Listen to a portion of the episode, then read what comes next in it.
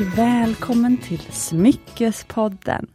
Det här är podden där vi pratar om äkta smycken och ädelstenar på ett enkelt sätt och bryter normer som präglat en annars ganska strikt bransch. Och idag ska vi börja med en ny härlig serie som jag har längtat efter. Vi ska gå igenom gamla klassiska smyckesvarumärken. Ett och ett per avsnitt. Och till min hjälp så har jag självklart smyckeshistorikerna Carolina och Victoria. Hej, tack! Hej. Victoria ler jätte, jättebrett nu. ja, smyckeshistoriker, ja men det, det får vi lägga till på ja. CV tror jag. ja men i Sverige, vi kan ju, det var, inte, det var någon, jo det var Natasha Gaudi som sa det, åh oh, hon har varit här i studion. Åh oh, vad roligt! Kul. Ja just det, det var ni som tipsade om henne mm. för länge sedan. Mm. Eh, men det um, har inte släppts när vi sitter här. Det kommer okay. nog släppas imorgon. Oj, det ser vi fram emot. Mm. Mm. Eh, ja, hon var, eh, som Hanna skulle sagt, en rivig kvinna. Oh, yeah. Ja, hon är ja. fantastisk. Ja. Eh, som för övrigt Hanna sa om dig Victoria. Jaha. Ja, jag ja, jo det stämmer i och för sig. Jag ska inte låta förvånad. Nej, jag pratade med Hanna i telefon igår och så sa hon, men alltså Victoria hon är ännu ballare live, alltså hon är ännu rivigare live. ja det stämmer nog. Ja. Jag försöker skärpa mig här i poddstudion. Precis. Ja. Eh, sen tycker hon att du är härlig också Carolina. Men jag är kanske inte rivig direkt. Är nej. Min... Och nej. nu vill jag säga en sak, och jag, rivig behöver inte betyda något negativt. Nej. Nej jag nej, säger att man tar nej, för sig nej, jag, liksom kanske jag tänkte säga rivig är väl positivt. Men liksom. Ja. Eh, ja nu var det i allra högsta grad positivt. Både kring Victoria och kring Natasha. Mm. Men det, var en liten hemlis så vi får se om, om Victoria kommer dela det i podden någon gång. Men du hade berättat för Hanna om, om en speciell detalj kring din ring, din gröna ring. Mm. Och det tyckte Hanna var väldigt kul. Mm. Men eh, det blir eh, lite cliffhanger till framtiden kanske. ja, jag såg att Victoria inte ville det här, inte idag. Ja. Men det här är jättekul för att ni, eh, ni föreslog nästan själva, nej det var ju Natasha Gaudi först. Hon sa nämligen att man kan ge varandra i Sverige epite alltså ens yrke är ju inte, vad heter det, trademarkat eller vad heter det, licensierat. Ja. Mm. Alltså så man kan ju döpa sig till lite vad man vill jobba med, alltså det man jobbar med mm. Eh, kan man ju säga att man gör, alltså man kan kalla sig guldsmed då till exempel utan att vara, vara guldsmed. Mm. Det är inte en skyddad titel ja. liksom. Mm. Precis, det är rätt mm. svenska. Precis mitt vanliga svammel här. Eh, men så att smyckeshistoriker är säkert inte heller en skyddad titel, så ni kan kalla det smyckeshistoriker. Det jag vill komma till. Vi tackar för det. eh, men, eller jag kan kalla det smyckeshistoriker. Ja precis, du kan göra det ja, i alla fall. Ja. Precis. Eh, men med det sagt då, eh, så det ni ska prata om nu, det var också ett önskeavsnitt som ni pratade om, när vi bollade lite grann vad, mm. vad kan framtida mm. avsnitt av Smyckespodden handla om. Mm. Då föreslog ni att vi kunde prata om varumärken. Mm. Ja, för det finns många häftiga och kul juvelerare som mm. bör lyftas fram. Och vi ville kanske öppna liksom ögonen lite också kring de här varumärkena. Mm. Eh, att det kanske inte bara är det här som är lite mainstream, eh, utan det finns väldigt, väldigt mycket mer. Precis. Och vad tycker ni om just det här varumärket sådär spontant som vi ska prata om nu? Ni har kanske sett i titeln redan vad det kommer handla om. Men eh, men vad är era känslor historiskt? Vad har de betytt för smyckes? Eh, alltså jag tycker de har väl gjort liksom några av de mest häftiga och fantastiska smyckena som finns genom historien. De är verkligen topp toppklass och, och, och liksom kanske den allra mest kända smyckestillverkaren som finns tror jag om man ska tänka i allmänhetens medvetande. Precis. Mm. Absolut, jag, håller helt med dig Carolina. Och när jag tänker på Cartier då, som vi ska prata om idag, då, då tänker jag liksom på, på lyx. Mm. Eh, men gammal lyx. Mm. Eh, de, de, är liksom, de, är etabler, de är så väl etablerade eh, sen liksom, ja, men 170 år tillbaka.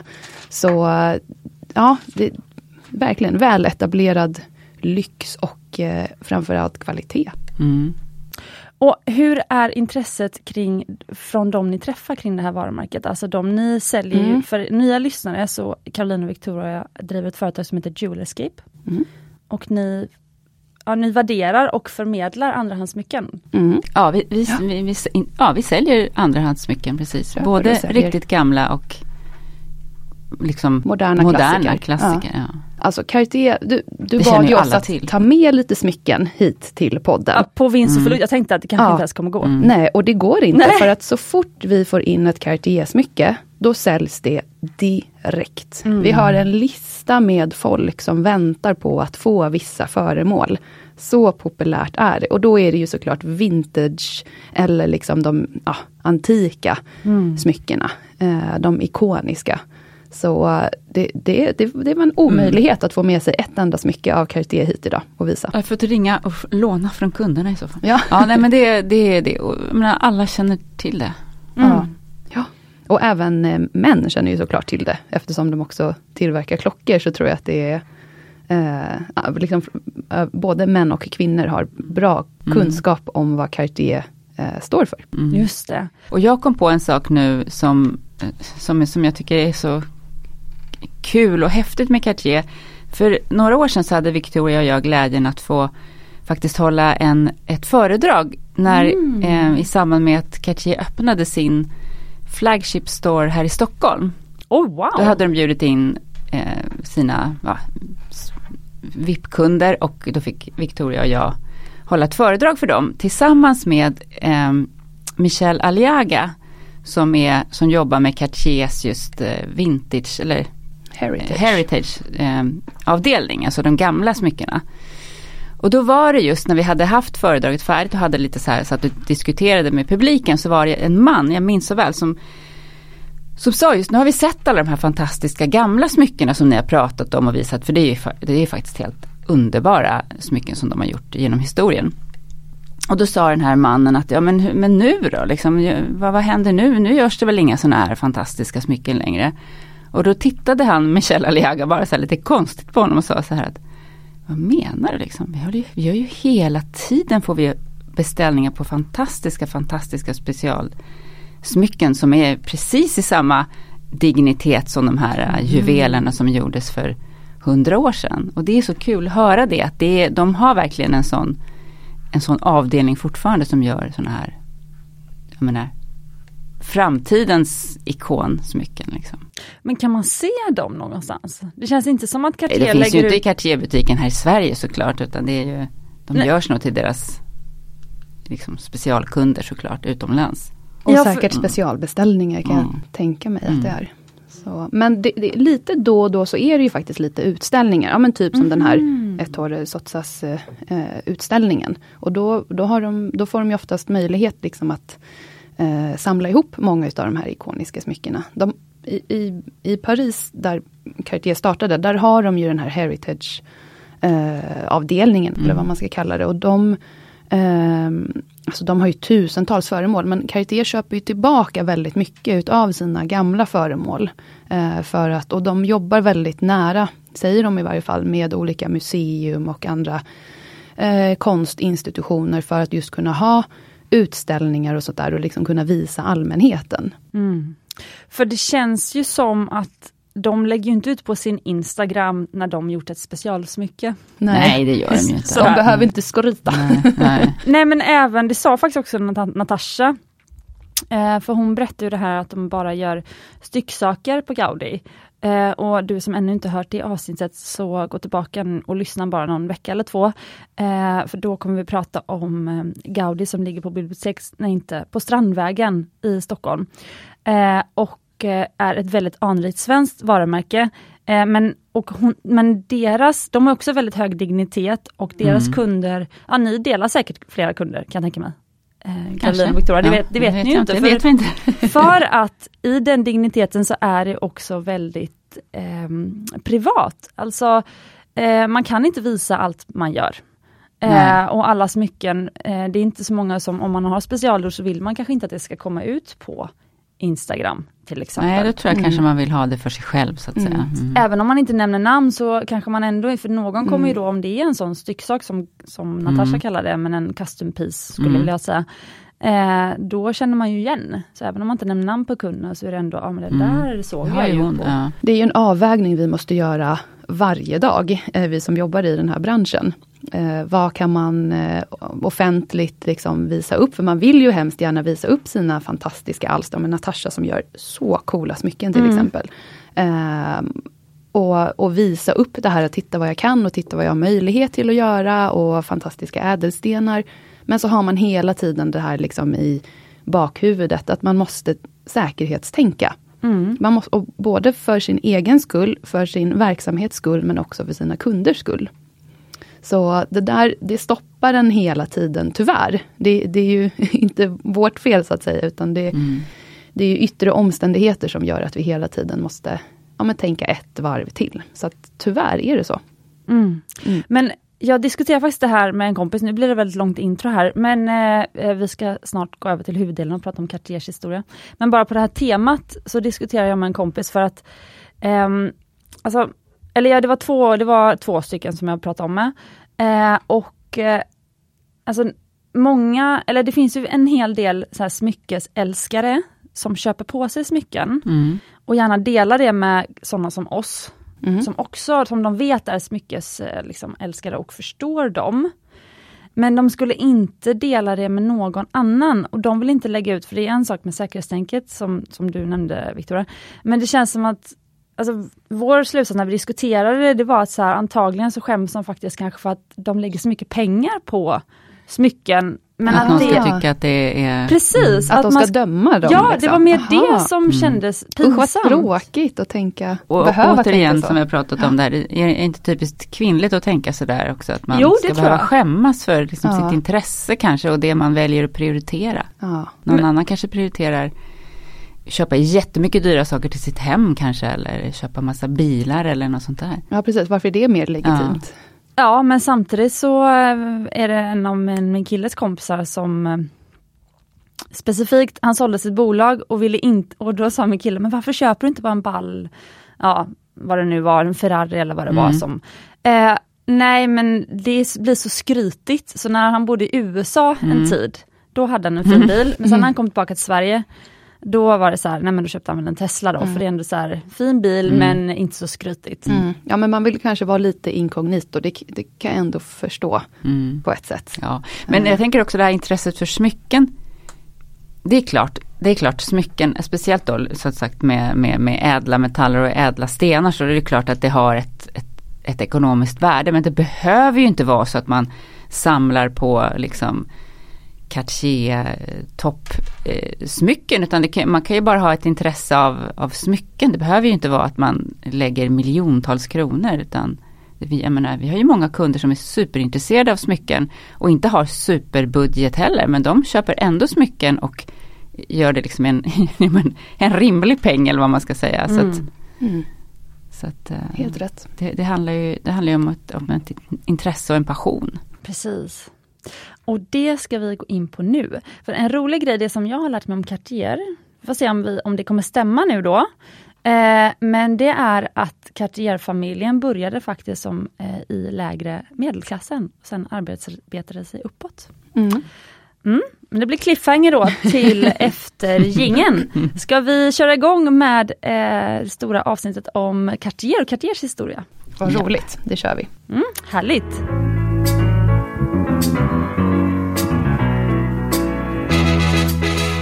Berätta, ordet är ert. Ja, men Cartier, det startar 1847 Mm. i Frankrike. Eh, och då är det Louis-François Cartier som tar över, eller han börjar hos sin, han börjar som gesäll, eh, som guldsmedsgesäll hos Al- Adolphe Picard och eh, han jobbar på helt enkelt ganska hårt. Och till slut så får han möjlighet att ta över Picards verkstad.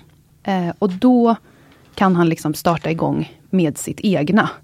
Eh, han kan sköta verksamheten så som han själv önskar. För att om man tänker så här, 1847, vi är bara 50 år efter den franska revolutionen. Så att Frankrike liksom som, eh, som land och människorna som bor där, de är liksom de, de är fortfarande väldigt märkta utav den här stora liksom, händelsen som skakade om hela, hela den kända världen egentligen. Ehm, så eh, Picard då, han som, hans eh, eh, läromästare, han kämpade verkligen med sin verkstad och sin ateljé. Eh, men Louis-François Cartier, han såg liksom möjligheten att kunna utveckla det här. Och så när eh, Adolphe Picard ville sälja, då, då tog han chansen helt enkelt att, eh, att ta över verkstaden. Hur stor var verkstaden då? Vet du det? Um, jag vet inte hur många som arbetade där. Det finns, det finns säkert uppgifter. Uh, men de måste ju varit några stycken för att de uh, hade både smycken då uh, och ädelstenar och de hade ju även silver och klockor. Och, så att det var liksom, det, det var väl kanske mer så som en motsvarande sån här verksamhet såg ut då på 1800-talets mitt i Europa. Man hade liksom flera olika eh, försäljningskanaler och olika tjänster som man kunde utföra. Så det var inte bara enkom smycken utan man hade då liksom flera olika, eh, ja men till exempel silver eller eh, ja, och, och eh, fickur och sånt där då, som var dåtidens klocka som man använde. Mm, och silver är då tallrikar och föremål? Ja precis, silver, eh, bruksföremål framför allt kanske då. Vaser, brickor, eh, bestick, och sådana saker. Mm. Och tjänsterna som de utförde var ju såklart både att de nytillverkade men också att de reparerade. Eller kanske till och med köpte in. Och eh, det var väl egentligen det som var eh, Cartiers, eh, ska man säga tur? Mm, För att på 1870-talet så sker det en ny, kan man säga, en liten samhällsrevolution bland folket. Och eh, eftersom det, man fortfarande då är liksom så pass nära franska revolutionen som bara har hänt då liksom på slutet utav 1700-talet så blir aristokratin, de blir jätterädda när den här revolutionen liksom börjar sippra i luften igen. Så det de gör då för att kunna lämna landet, det är att de säljer av sina dyrbara ägodelar och det är smycken.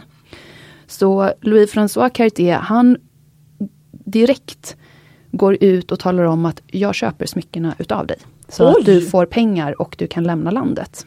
Men hur blev han så rik, på att säga? Han, han, han, var ju liksom redan, han, eftersom han hade kunnat ta över den här Picard-ateljén, eh, så, så var det ju redan ett etablerat företag. Liksom. Eh, och det här är ju några årtionden senare. Han startade 1847 och det här är på 1870-talet. Ja, sant. Eh, så han, han är väl inarbetad och han har ju såklart ett gott rykte för han har, han har inte liksom gjort bort sig på något sätt. Så att mm. många vänder sig till honom för han säger, ja, men jag, jag, löser det här åt dig. Du lämnar in dina smycken, du får pengar så att du kan fly. Och det sprider sig ju såklart i den samhällsklassen. Och det hjälper ju då till att han får, ja, men man kan nog säga dåtidens mest spektakulära samling utav eh, smycken som har tillhört adeln. Den mm. franska adeln. Och det han gör det är att han erbjuder de nog inte jättemycket pengar och det här är ju människor som då känner någon slags desperation. Så de vill ju bara liksom få pengar för att kunna röra på sig därifrån. Eh, vilket betyder att han sen har den här fantastiska samlingen som han sen kan börja sälja. Mm. Och då lägger han ju såklart på sin vinst. Och på så sätt så sätter han igång liksom med sin stora verksamhet. Så att han köper och säljer egentligen begagnade varor. Så ni har kopierat er affärsidé från ja. Utan att vi visste om det, kan man säga. Nu betalar vi kanske lite bättre än vad han gjorde. och lite mer schyssta, men absolut. Eh, ja, men det, det tänket, definitivt. Mm. Absolut. Eh, istället för att det skulle smältas ner eller försvinna på något sätt.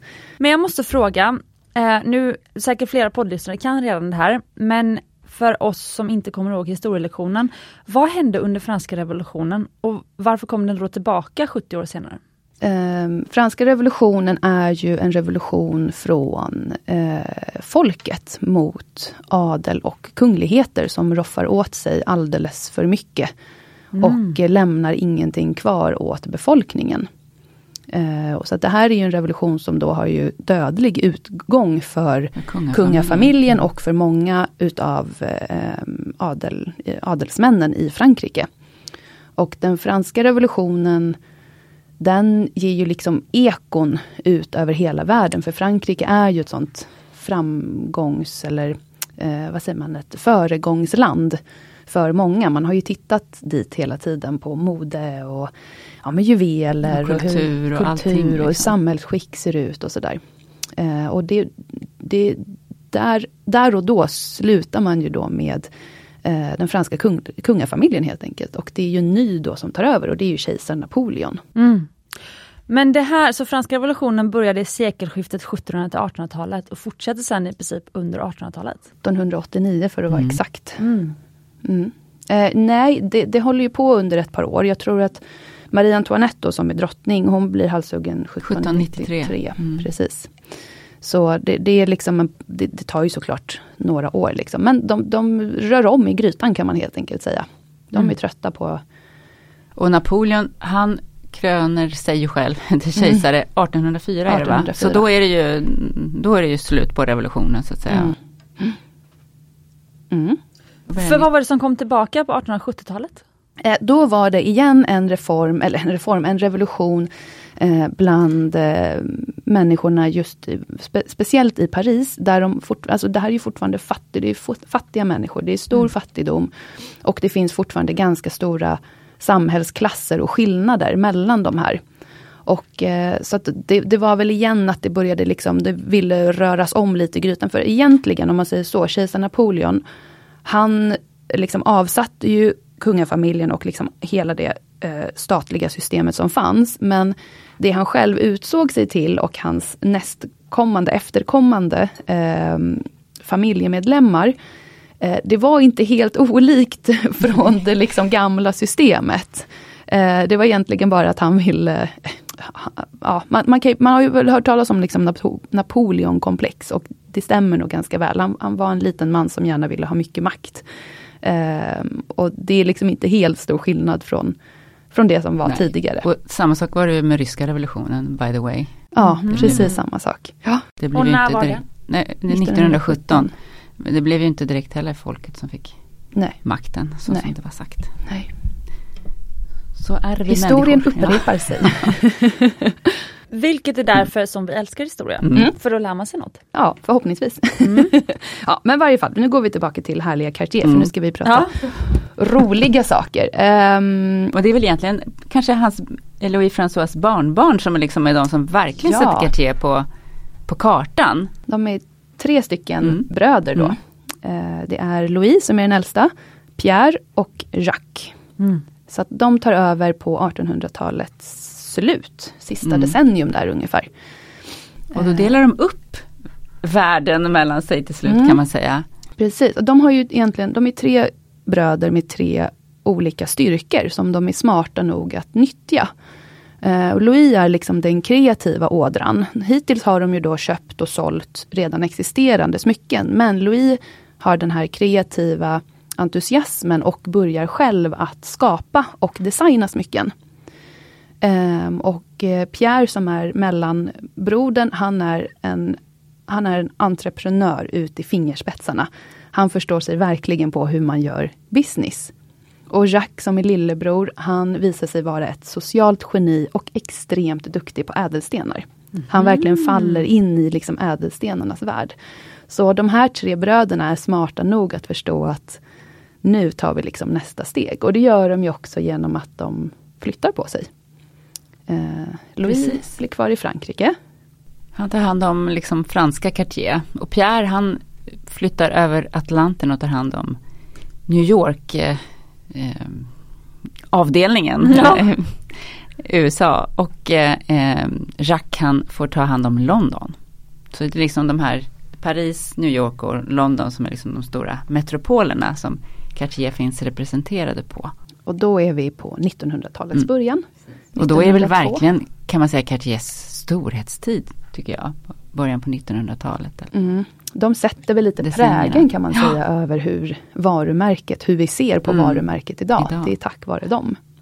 Kan man då se skillnad i hur de här kontoren eller guldsmedsbutikerna utvecklar sig? Alltså är det mer ädelstenar på ett ställe eller liksom lyckas Alltså, de? Ja men lite kan man väl göra för att då Jacques som är i London, eh, som också är så ädelstensintresserad. Eh, I London så kommer ju väldigt mycket indiska maharadjer Mm. Eh, och de tar ju med sig sina egna ädelstenar och Indien är ju fullt utav ädelstenar. Det är ju liksom en av deras naturresurser. Eh, allt från diamanter, safirer, smaragder, alltså det finns allt i Indien verkligen. Så det de här maharadjerna gör, det är att de tar med sina egna stenar och ber att Cartier då ska montera dem och tillverka smycket. Mm. Eh, så att i London Londonkontoret, Londonavdelningen, så ser man väldigt mycket av de här spektakulära liksom, eh, smyckena med eh, en indisk touch då, kan man säga. Eh, men, men det görs ju såklart även till eh, den engelska kungafamiljen och aristokratin där. För vem är det då sen som gör den första klockan? För det lilla jag kan om Cartiers mm. historia är ju att någon av de här bröderna mm. är, har väl en vän mm. som är flygare. Mm. Det är och, Louis i Paris. Är det den, var det den sociala? Nej, det är han som är äh, den här äh, kreativa geniet. Ah, okay. Den äldsta som har hand om Paris. Ja. ja. men han är ju kompis med en brasiliansk pionjärflygare eh, som heter Santos Dumont. Precis. Eh, och eh, han, de, de är vänner. Och eh, ska vi se, jag tror att han heter Alberto var i förnamn. Han i varje fall är, eh, han liksom klagar då för Louis att, ja men gud det, det finns inget bra sätt för mig att kunna hålla koll på tiden när jag Man vill ju inte ta upp sitt fickur liksom när man sitter och flyger. Mm, nej, nej men det känns sant. väldigt dumt mm. kanske. um, och det här är ju, vad är det, 1904 mm, eller 1904. någonting sånt där. Så det är tidigt, tidigt. Och eh, då tillsammans, eh, men såklart mycket genom Louise, så, så tar de fram liksom det första armbandsuret.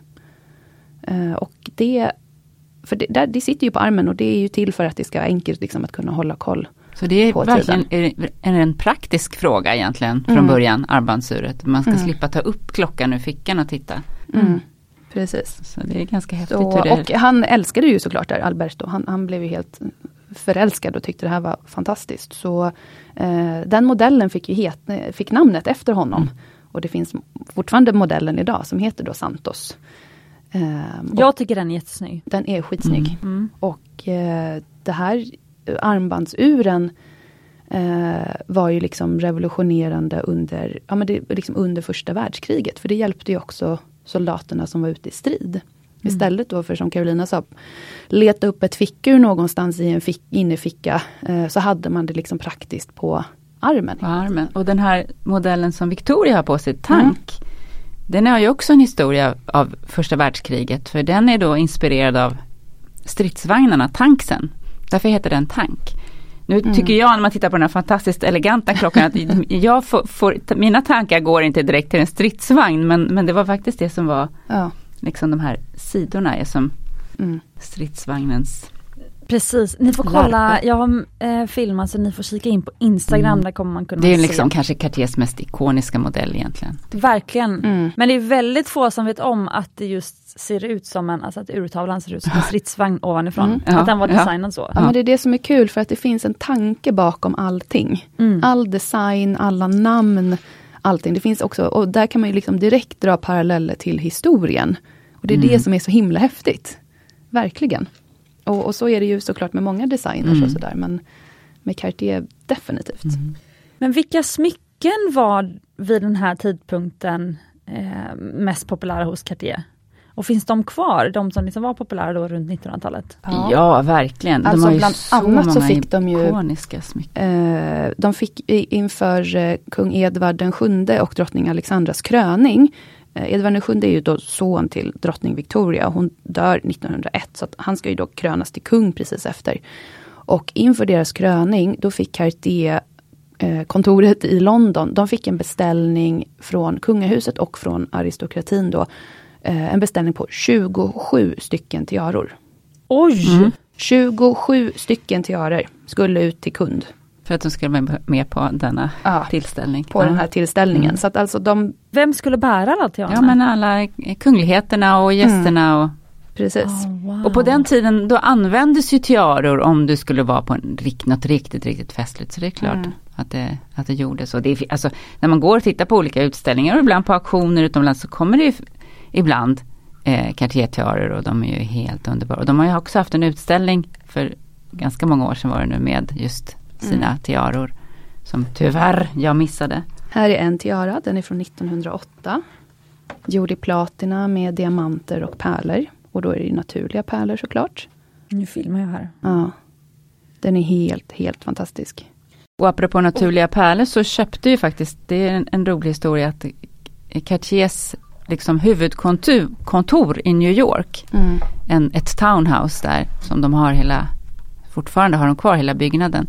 Det På köpt- Fifth Avenue. Ja, på Fifth Avenue, bästa läge. Det köpte de ju eh, av den dåvarande ägaren och betalade med två eh, rader orientaliska pärlor. Nej! Jo, som värderades då till ungefär en miljon dollar och det var lika mycket som den här fastigheten var värderad till. Och det var fastighetsägaren, han hette Morton Plant och hans fru hette Macy Plant, de var sådana här riktiga societetspersoner. De eh, erbjöd Cartier att eh, få köpa två pärlhalsband och betala med, sitt, med sin fastighet. Det var värt lika mycket Ja. där Mm. och då. Så kan man göra om man Mm. har ett fint varumärke. Och sen det som är lite sorgligt ska man kanske säga, det är ju att de orientaliska, alltså naturliga pärlorna, de eh, sjönk i värde sen för att då eh, kom det ut de eh, Odlade, odlade pärlorna på marknaden. Och i början så hade man väldigt svårt att se skillnad på det här. Så när Macy hade gått bort på 1950-talet så auktionerades hennes eh, pärlkollier ut.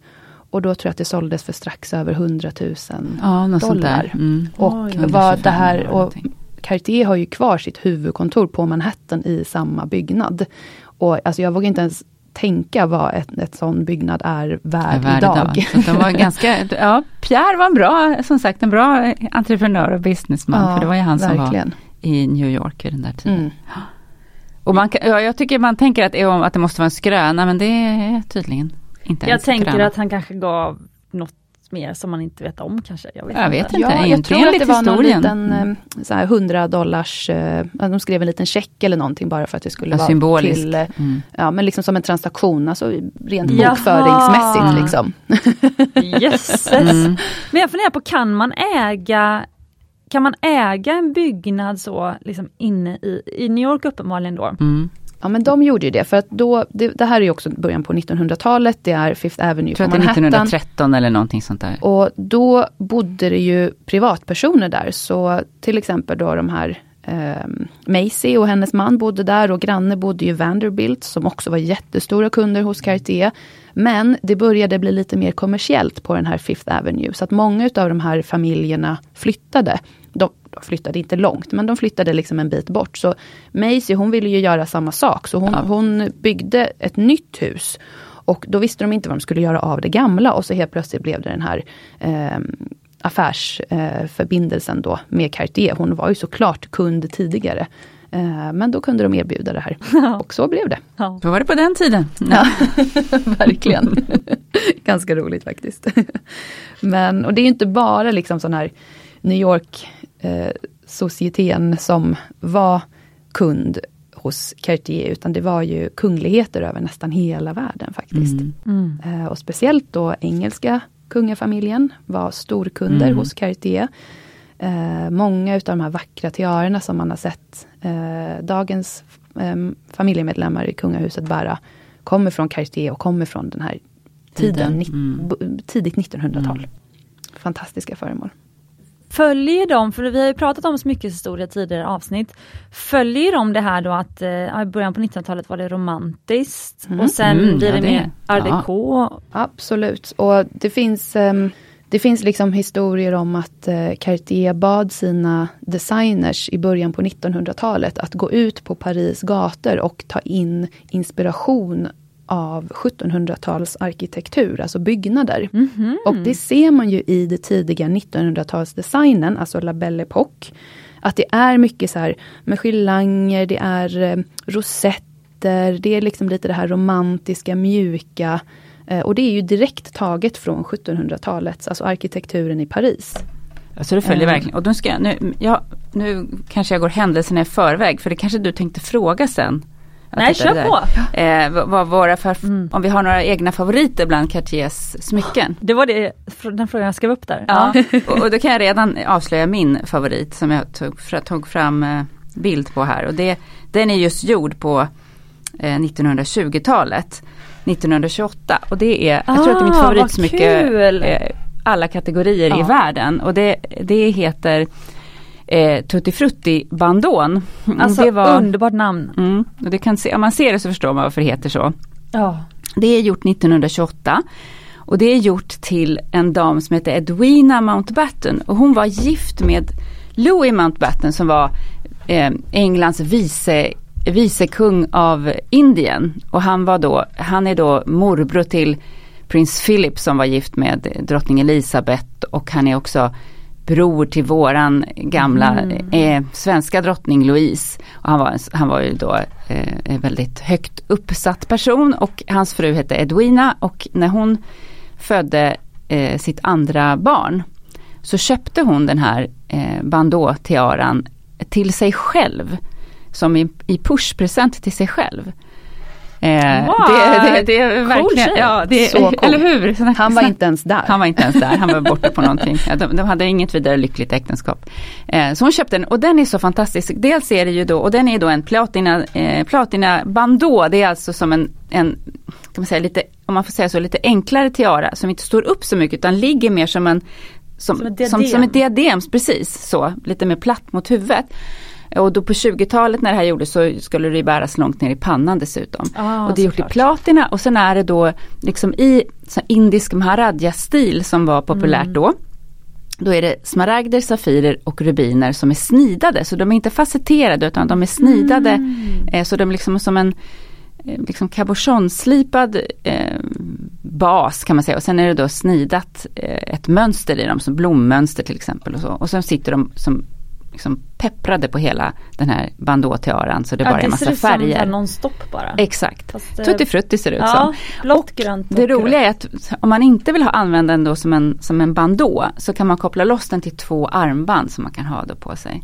Så, så, så häftigt. Och den här finns på Victoria and Albert Museum i London så den går att oh, titta wow. på. Mm. För när du visade bilden, mm. nu eh, fick jag se en bild här på telefonen, eh, då trodde jag att det var ett armband. Mm.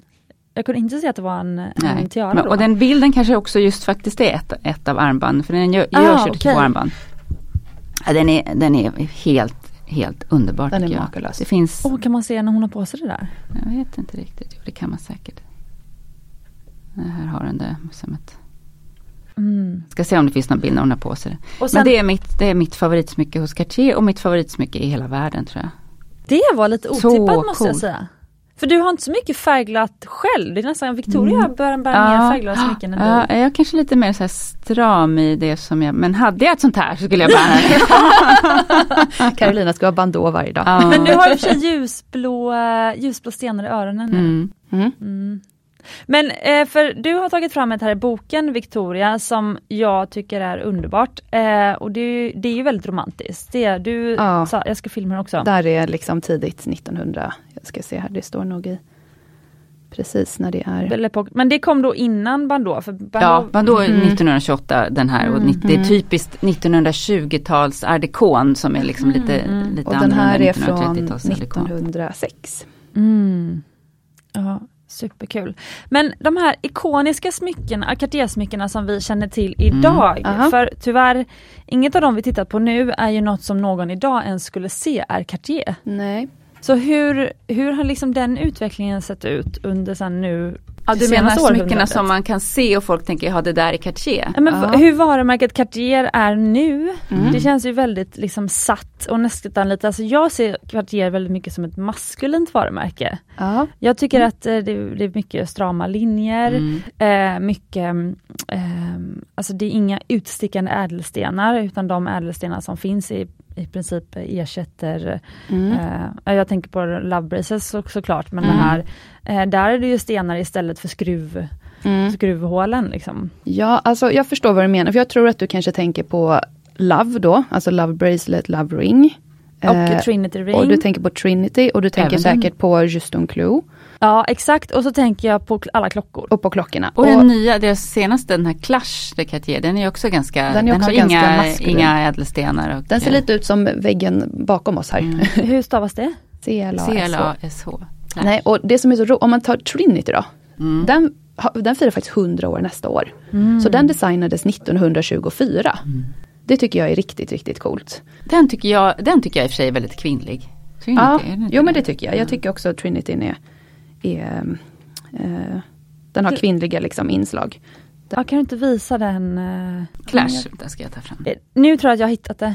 Mm. Exakt. Spikig liksom. Mm. Ja, och vilken var det du pratade om Victoria? Nu pratar jag om Trinity. Ja, Trin, just det, Ja. precis. Och Trinity är ju den här klassiska ring... Alltså den, precis, den designas och kommer ut 1924 och det är ju alltså tre stycken ringband som sitter eh, ihop-pusslade med varandra men de liksom rullar på och av fingret. Så att det Tre är släta ganska, ringar liksom Tre som släta ringar som sitter ihop. Eh, och det var ju liksom lite revolutionerande. Så att de, de fyller ju 100 år nästa år den här designen. Det tycker jag är lite coolt. Men, Eh, ja. förlåt. Nej men alltså, nej men för den är ju, det är ju verkligen, det ser ut som tre här, tunna herr förlovningsringar. Ringar, ja Mm. precis. Som är ihopsatta. Då säger de då att den, den, för det är ju en vit, en gul och en roséfärgad guld, tre guldband då som sitter ihop. Och då säger man att det vita, eh, det ska stå för vänskap, att, eh, eh, hållbar vänskap. Den gula ska stå för eh, eh, trohet inom äktenskapet. Och den rosa ska stå för äkta kärlek. Så att det fanns ett budskap bakom. Och Trinity-ringarna, alltså de har vi ju sett ja, men sen 1924. De har ju aldrig liksom försvunnit ur produktionen och det finns ju otalet som också har härmat den här Mm. eh, klassiken. Så att det, många av de här Trinity-ringarna vi ser, de kanske inte är Cartier. Utan det är Mm. någon som har gjort en kopia av dem. Tycker ni de är fina? Ja, Ja. Det, det, om jag ska välja någon serie av det som de gör idag så, tycker, jag, så, är, så tycker jag Trinity är den Mm. finaste. Det är min Mm. favorit. Sen Love Bracelet, det designas 1969 tror jag det är. Av Aldo Cipullo som var den, deras eh, creative director liksom över fine jewelry då på 60 och 70-talet. Och den är väldigt maskulin, du har faktiskt verkligen den rätt. rak och, Eh, den är rak och ganska kantig och den är ju Alltså den är ju väldigt älskad, den är väldigt kommersiell. Eh, och den har ju fått som en liten revival nu nästan känns det som. Eh, helt plötsligt så ser man varenda alla ska kändis. ha en sån nästan. Mm. Ja, precis. Alla ska ha en sån. Och det var ju, de, den sägs ju då att den eh, designades för och den gavs ut till olika kända par på slutet av 60 och början på 70-talet som skulle bära det här tillsammans. Eh, för meningen var då att det är en för honom och en för henne. Ehm, och, som, Och så som ett- öppnas den ju då genom det här lilla skruvmejseln som är med. Och så att det är inget vanligt lås. Mm. också, så att, Idag finns den ju med vanligt lås. Det är en väldigt smart, häftig design. Jag håller med. Mm, designen är cool och egentligen kanske jag skulle tycka om den om jag ska vara ärlig nu rent personligt. Eh, men bara för att alla har den. Då är jag inte jättesugen alltså. Mm. Men nej, Förstår ni vad jag menar? absolut. Ja, absolut. därför. Ja, men jag egentligen har jag ingenting emot den. Det är inte, jag tycker inte den är ful eller något sånt. Jag tycker den är ganska cool. Och jag kan tycka att det är coolt att ha flera stycken. Mm. Eh, och nu finns de ju med diamanter Mm. och man kan liksom, man, alltså man stärker liksom sina armband och man kan blanda. Men, men just att alla andra har den. ja men det, du har, det, det är ju inte du liksom att ha ett, ett smycke som är Som alla andra som alla andra har. Nej, precis. det, Nej, det är rätt. Men jag undrar Carolina, varför är Trinity-ringen din favorit? jag tror att det är för att den, har- det har det här lite mjuka. Mm. Det är det, det jag gillar. Den är inte kantig hård. Jag, jag tycker att den är, och sen tycker jag att det är fint med det här trefärgade guldet och det, liksom det här att det rullar, att man kan rulla av och på den på fingret. Ja, det är något med Trinity ja, det är lite jag gillar. taktilt. Ja, Mm. Men det är spännande det här med design tycker jag för att eh, det, nu när, när ni sitter och pratar så här, alltså, det är ju, och det tycker jag jag hör bland många gäster när de beskriver liksom sina favoriter mm. inom smycken. Då är det ju ofta att det, liksom, det känns härligt. Ehm, och, eller, och den andra grejen, ja just det, och sen så också det här att det liksom är något som är lite, ja, men, eller som jag uppskattar att det är lite klurigt och smart gjort. ja det är något, någon Så tanke bra bakom. design. Mm. Så. Och om vi ska prata design och Cartier, då får vi faktiskt inte glömma att nämna Jean Toussaint. Nej. Som var deras kvinnliga fine jewelry eh, formgivare. Ja. Och Just hon det. blev tillsatt på den positionen på, redan på 1930-talet. Det här tycker jag också är jäkligt coolt. Mm. Hon har ju verkligen gjort, alltså de här För om man tänker på Cartier idag så ja. tänker man ju kanske också på deras ikoniska djur. Och det är ju panten. Och det är ju Precis. hon som står för den. mm, Och det är ju exakt det här, alltså när, jag tycker det syns när smycke är designat av en kvinna.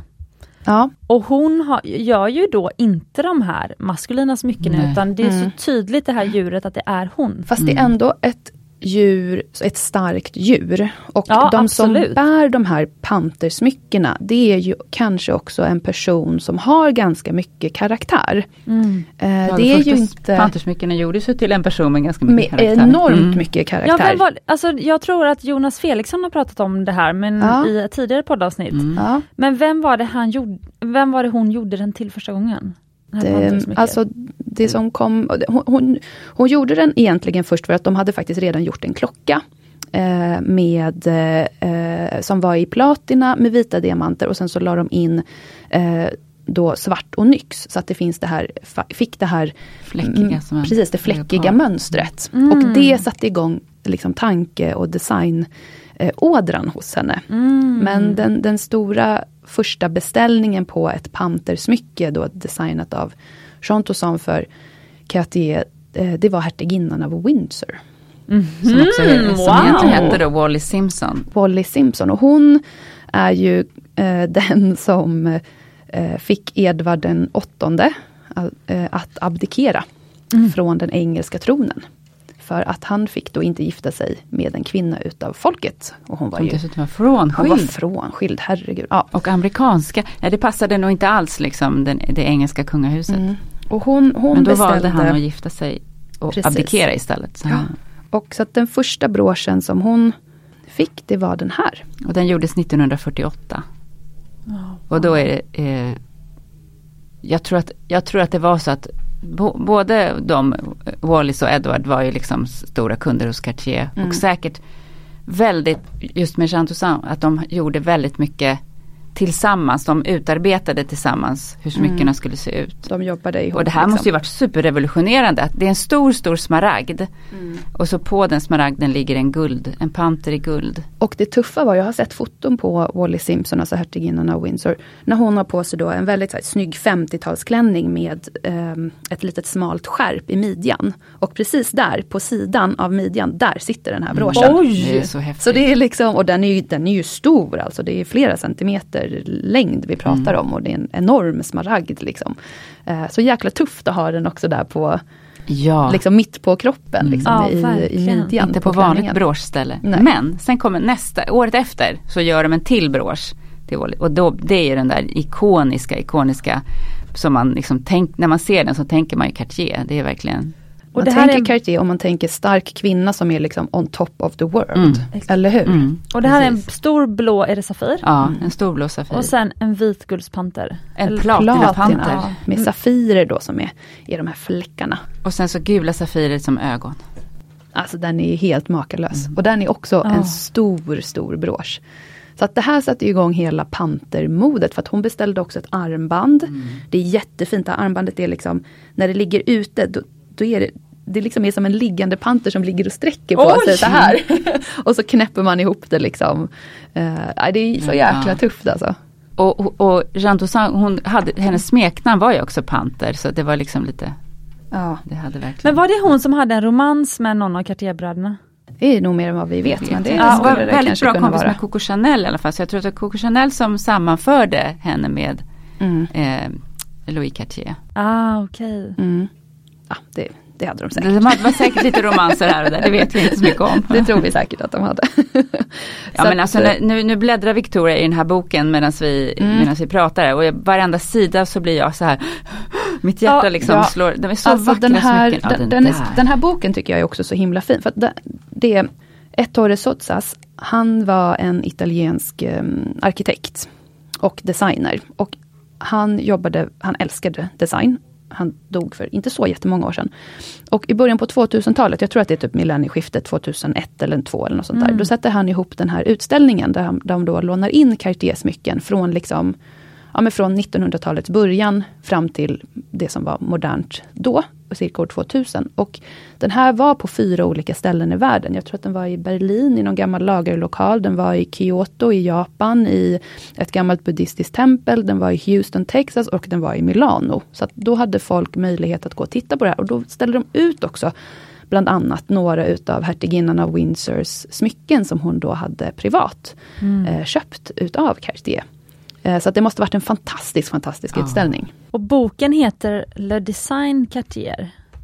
Eh, Par, ja, Vi- nu, kan jag, ja. nu kan ju inte jag det franska Det är alltså- uttalet men Ettore Sotsas, det är han som så att säga kurerade den här utställningen. Mm. Det är han som valde ut de här objekten, fick möjlighet att välja ut de här objekten till just den här utställningen. Så att det här är liksom Cartier sett genom Ettore Sotsas ögon. Ja, ja man får, jag ska ta en bild på boken så får ni Den här är på franska men den finns på engelska och allt möjligt. Ja men man, man, det är som en bilderbok. Och det är ändå bilderna av en låt. Ja, och sen känner så, ja men det är en bilderbok och Ja, det men- finns ett litet register. Här är ju också hennes bib. Det är också hertiginnen av Windsors, en sån här Eh, Men alltså sånt här smycke. gillar jag. Nu är, alltså jag gillar ju sånt som alla andra skulle säga är eh, förskräckligt. Nej, det här är väl Eh, underbart. Men alltså det här är ju, ja nu vill Ja, jag skulle bara säga det också att hertiginnan av Windsor, det vill säga Wally Simpson, hon är ju verkligen en föregångare i smyckesmodet för hon anammar det moderna som var då det här 40 och 50-tal som vi pratade Mm. om när vi var här sist, där det är rödguld istället för vitguld och platina Mm. och mycket färgstenar och det blir ju liksom, hon är ju verkligen en föregångare till det här. Mm. Ja Och för i, Cartier då. för i den här boken så kan man ju se dem Alltså hur de använder ädelstenar på ett så häftigt sätt och de Mm. använder ju, de har ju tillgång till liksom de vackraste ädelstenarna. Ja, men som- som allt är finns. inte, okej nu är det här Cartier, men det här, är- den här är en tiara och det här är en Mm. bråsdel som man kan plocka bort. Eh, det är platina, det är guld, det är diamanter, men det gula är citriner. Mm, det är och alltså- citrin är ju en, en kvarts. Ja. Eh, inte den allra dyraste utav ädelstenarna, men ändå titta vad häftig den blir. Mm. Eller de blir i det här. Specialslipade då för att passa, och så en enorm citrin där i mitten. Mm, men sen är det också, för det, i min värld är de nästan lite så brandgula, nästan Mm. åt orange. Mm. Och eh, de har ju samma nyans. Alltså Mm. det vill ju till att färgkoordinera så du får Mm. rätt nyans i hela Ja. den här tiaran Precis. på de eh, liksom då, brandgula citrinerna.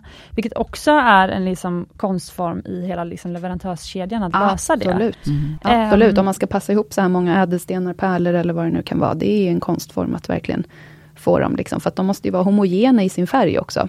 Precis. Men jag förstår ju också, för man ska tänka på vad Cartier är kända för idag. Eh, alltså det är ju svårt, ja precis den här Mm. orangea tiaran syns till och med på första, Mm. det är till och med omslagsbilden eh, på den här boken. Ehm, men det är ju att det är ju det som ska kunna gå att massproducera och som, alltså man måste ju se någonting tillräckligt många gånger för att det ska bli en, en ikon. Så. Mm. Det måste ju kunna produceras så pass många exemplar. Mm. Så jag förstår ju att det är deras liksom, guldsmycken helt utan ädelstenar eller klockor Mm. som blir det som vi idag liksom Mm. ser som ikonisk Cartier. Ja. För att det är, det, det är ingen på stan som kan ha på sig den här orangea tiaran. Nej, och liksom. det kanske inte kan göras hur många sådana som Nej helst. precis, det finns Mm. antagligen bara en. Och det var Mm. lite så de tänkte med den här serien då som heter Must de Cartier. Det var Mm. liksom everyone must wear a Cartier. Mhm. Ehm, och det, då gjorde de liksom smycken, för det här är ju en, en, min klocka då som jag har på mig, min tank.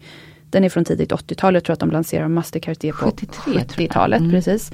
Ehm, och det var ju för att alla, alltså inte bara de här superrika entreprenörsmänniskorna skulle kunna bära Cartier, utan att även gemene man. Och då Mm. gjorde man liksom en liten billigare variant. Så att det här är en förgylld, eh, förgyllt silver. Mhm. Det var ju väldigt smart drag. Alltså här, Ja, det, här var- var ett måste. Det Liksom. här är ett måste. Verkligen. Och Ja, ja. eh, det här var ju Absolut. för att även då liksom sekreteraren skulle kunna ha ett Cartier-smycke. Att man får Eh, ha jag det riktigt exklusiva märket utan att Det som är fint i den här boken, det är också att de har eh, lagt in väldigt många utav originalritningarna. Oh, wow. Och här ser man då många Gud, utav dem är eh, signerade. ehm, längst ner, nu ska vi se eh, om jag hittar någon sån. Bara för det. Ja, nu ser jag det här origin. det- Så här ser det ut liksom, om man får gå i de gamla arkiven, vilket är Så häftigt. så häftigt. Men till exempel här då, där står det LC och det är Louis Cartier. Så att det är han som har formgivit. Mm. Ja, ni får kika på Instagram här följare. Eh, eller lyssnare menar jag. Eh, så, har jag. så kommer jag klippa ihop en liten reel med allt det här vi, eh, Ja. i, i den här boken vi har pratat om nu. Eh, men Victoria, jag måste fråga dig, Mm. vad har du för favorit Cartier-smycke?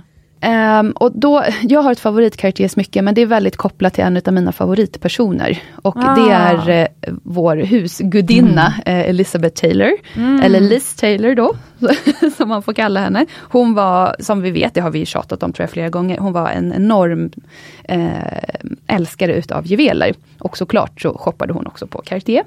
Det finns ett jättefint, väldigt kort litet filmklipp från 1957 när hon är med sin tredje make nere vid franska rivieran. Och eh, hon badar i, de har hyrt ett hus. Hon badar i poolen, hon ligger där och eh, simmar och hon har såklart på sig sin diamanttiara när hon simmar. Um, och så det här lilla filmklippet visar då hur hennes tredje man Mike Todd, han är 25 år äldre än vad hon är, jag tror att hon bara är 24 eller 25 år gammal. Uh, han kommer till henne med den här röda ikoniska asken. Och man ser liksom att hon, ja men det glittrar till även i hennes ögon.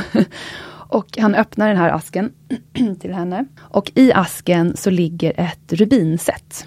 Wow. Det är en collier som hon också kan använda som tiara. Och I filmklippet ser man hur han eh, sätter den här eh, ja, men han, han hjälper henne på liksom med collieren och med då örhängena till.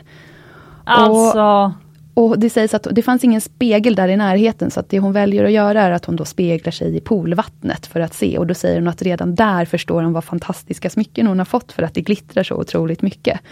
Och Det här var verkligen en kärleksgåva för att um, Mike Todd och jag tror att jag och Carolina, vi tror båda två att Mike Todd, det var nog faktiskt hennes mm. stora kärlek i livet. Mm. Hon gifte sig ju mm. åtta gånger. Oj! Mm. Ja, men, och han var hennes tredje make. Och han de skilde för, sig inte? Utan... De skilde sig inte för att han förolyckades. Mm. Um, och trots att han då var nästan 25 år äldre än henne, så var det nog liksom, ja, verkligen hennes stora kärlek. Så det här bar hon otroligt ofta. Hon köpte även till vid senare tillfälle en, en fantastisk rubinring.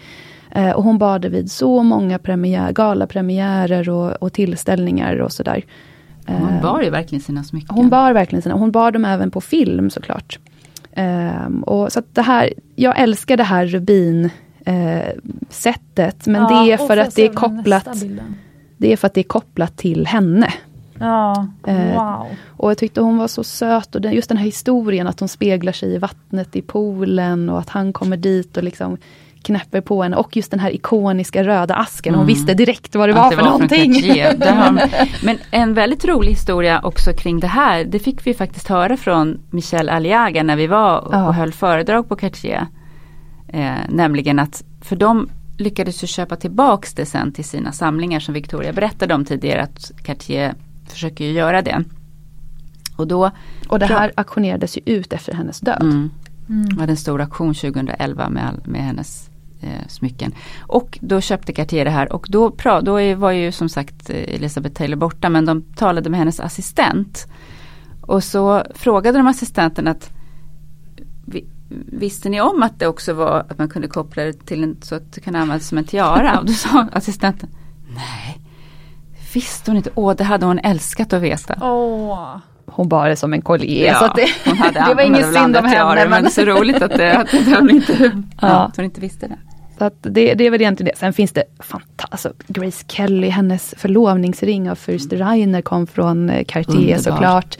Eh, Maria Felix, den här fantastiska mexikanska skådespelerskan, hon köpte både en en, en stor collier som var gjord som en orm och sen så köpte hon en collier som var två stycken krokodiler som möts. En i gula diamanter och en med eh, smaragder. Mm. Alltså en stor, stor collier. Och det sägs att hon hade krokodiler själv då som husdjur. Ja. Att det var därför som Cartier... Och hon var också en stark, liksom, stark person.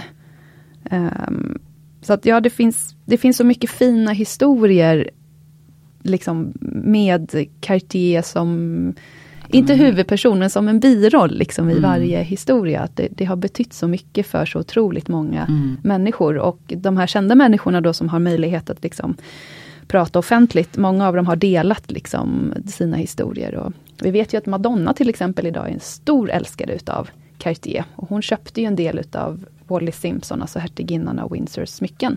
Bland annat ett fint eh, berlockarmband som eh, eh, hon fick av Edward i, när, och hon använde när de gifte sig. Och det är då behängt med olika kors. Så, från början var det bara ett kors och sen så fick hon flera kors vid olika tillfällen och varje kors hade då en särskild betydelse och en särskild gravyr på baksidan då som betydde något för dem. Eh, och eh, det eh, eh tror jag att eh, Madonna, Madonna har. Nej det kanske hon inte har förresten. Men i alla fall så gjorde Madonna en film om eh, Wallis Simpsons liv. Och då gjorde Cartier upp en replika av det här armbandet för att det skulle vara med i filmen. Och Madonna spelar ju henne naturligtvis då. Och eh, eh det eh, tappades oturligt nog ner i Medelhavet under inspelningen. Nej. jo. För att det men det var ju då inte originalet men, men mm. replikan men dock eh, av Cartier och med eh, troligtvis de med riktiga stenar och så vidare. Mm. Så någon fisk är väldigt lycklig och juvelprydd mm. just nu. Så kanske Absolut. det som Madonna hade då. Ja. Men eh, nej men alltså efter att ha nu suttit med er och pratat och när vi satt eh, bilden i den här boken och ni har målat upp den här stämningen. Alltså jag känner att jag hyser alltså en så jäkla, ja ursäkta, men en så himla stor respekt för alltså Cartier som Alltså för vad de gjort för smyckesvärlden. Mm. Ja, och det, det som de, för det man som genomsyrar alla de här smyckena som ni framhävt, det är ju att det är top notch, alltså kvalitet, hantverk, ädelstenar. De har inte kompromissat med något. Nej, de har inte behövt det. Nej. nej, och det är ju så otroligt häftigt. Det blir som det är liksom högsta nivån av eh, juvelerarhantverk. Mm. Absolut. Alltså i alla led. Mm. Och det är något som jag tycker är så himla värt att lyfta fram och påminnas om idag, när man vill ta så mycket genvägar. Helt rätt. Eh, så jag eh, kanske det. inte kommer älska Juston Kly-armbandet, men det känns inte som att det har någonting att göra med, det är princip, man måste sälja många sådana och många love braces för att få råd att göra de här custom pieces. Eller liksom ja, och bygga upp sitt varumärke, ja, precis, det bygga... handlar nog om det. Mm. Exakt. Absolut, Så och de har ju varit, en funktion. Mm. Sen dag ett har ju Cartier liksom varit ett namn också. Mm. De har alltså 170 plus år har de liksom eh, behållit sin status inom juvelerarvärlden. Precis. Men för det de ni lyssnare som lyssnar och kanske att man Alltså ni kanske vill fylla på er samling med något Cartier men kanske inte ett Love Bracelet eller Chiston Kly. Alltså jag skulle ja, ju då säga... Göra man men, vill, men... Jaha, ja. jo mm, okej okay, mm, för sig men jag tänkte mm. om man är som Victoria och inte vill ha mm. Alltså många av de som lyssnar på Smyckespodden i alla fall. Ja du menar så, de, mm. de vill inte heller följa eh, alla andra Nej men än så mm. länge, nu växer ju Smyckespodden väldigt mycket men det är fortfarande vi som lyssnar är ju ofta lite extra smyckesintresserade och vill kanske ha, hitta, hitta något speciellt. Mm. Ja och nu skulle jag säga så, men nu, jag har ju min den här då Cartier-ringen som jag satte på mig idag, eller som är två stycken ringar i en, den heter Love Me och det här är en jätteliten produktion som gjordes liksom på 80-talet. Eh, så att det, finns, det, det, är klart att den finns men det finns inte jättemånga utav dem. Och Nej. man kan ju inte heller köpa och så hittar man direkt i sin storlek, liksom, för det finns inte att beställa. Så eh, det, det finns ändå, det här kost, visst de kostade lite pengar men inte jättemycket pengar. Eh, och då har jag ändå mitt egna liksom, Cartier-smycke. Precis, och så får du vara en del av historien. Och jag var en del av mm. historien och jag har inte ett love bracelet. Så Precis. Jag är jätteglad. och sen kanske du skaffar ett love bracelet också. Men eh, för det är de som också, för det, mitt tips nu, jag tänkte vi skulle avsluta med varsitt tips för den som eh, kanske vill investera i ett Cartier-smycke. Mm. Och då skulle mitt tips vara att eh, leta second hand, vintage eller förstås gå in i Cartier-butiken också. Om man frågar så kan man ofta få se mer saker. Det är ungefär som när man går till restaurang Tranan på Odenplan. Då har de alltid köttbullar fast det inte syns skrivet i menyn. alltså fråga på Cartier eller leta online, eh, eller förlåt på second hand på auktion, prata med Caroline och Victoria.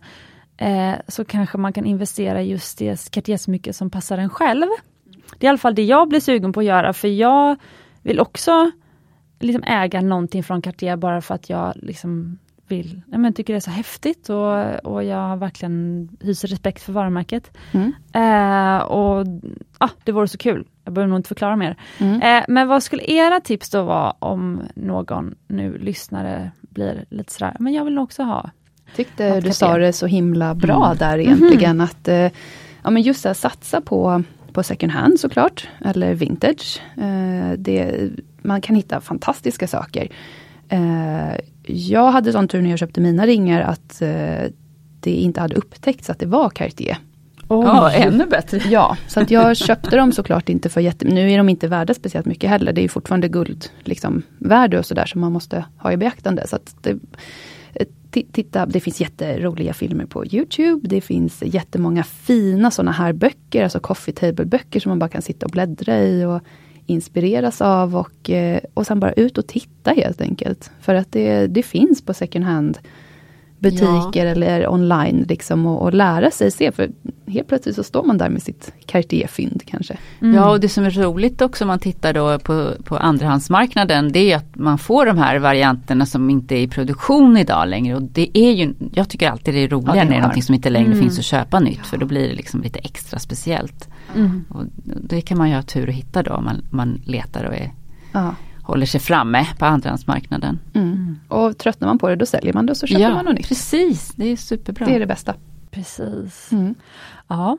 ja, det här var jättekul. Vad tycker ni att vi ska prata om nästa gång? Jag vet att ni har skrivit upp, vi har skrivit upp lite. Ja, jag är lite sugen kanske på, om vi ska fortsätta på det franska temat så är jag lite sugen på van Cleef Det är jag väldigt sugen på också faktiskt. Mm. De är, ehm, kan man säga motsvarande Cartier? Ja, Ungefär. de är också verkligen, kanske ja. Cartier är mer kända i, hos gemene man. Mm. Hos alla, även de som är inte är så intresserade av smycken om jag säger så. Ja. Men van Cleef Arpels är ju, är ju verkligen ett stort namn. Men vi har ju massa häftiga, vi har ju Tiffany. Mm. Och vi har väldigt många svenska märken. Mm. Vea Bolin bland annat.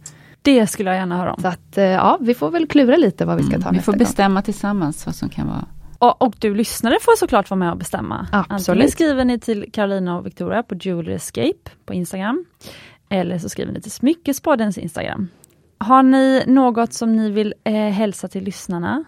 Bara, vi är bara så glada att vi får komma tillbaka hit för det är så himla roligt att vara hos dig Cecilia och podda. Ja, så jag är glad om, om, om, om lyssnarna tycker om att lyssna på det. Och, och jag tycker också att det är väldigt kul med eran eh, liksom, interaktion. Att, att uh, lyssnarna hör av sig till dig Cecilia och, ja, det och önskar saker som, som ska komma i podden och så. Det är, ju, det är ju det som är det allra roligaste för då blir det liksom ett samarbete. Precis.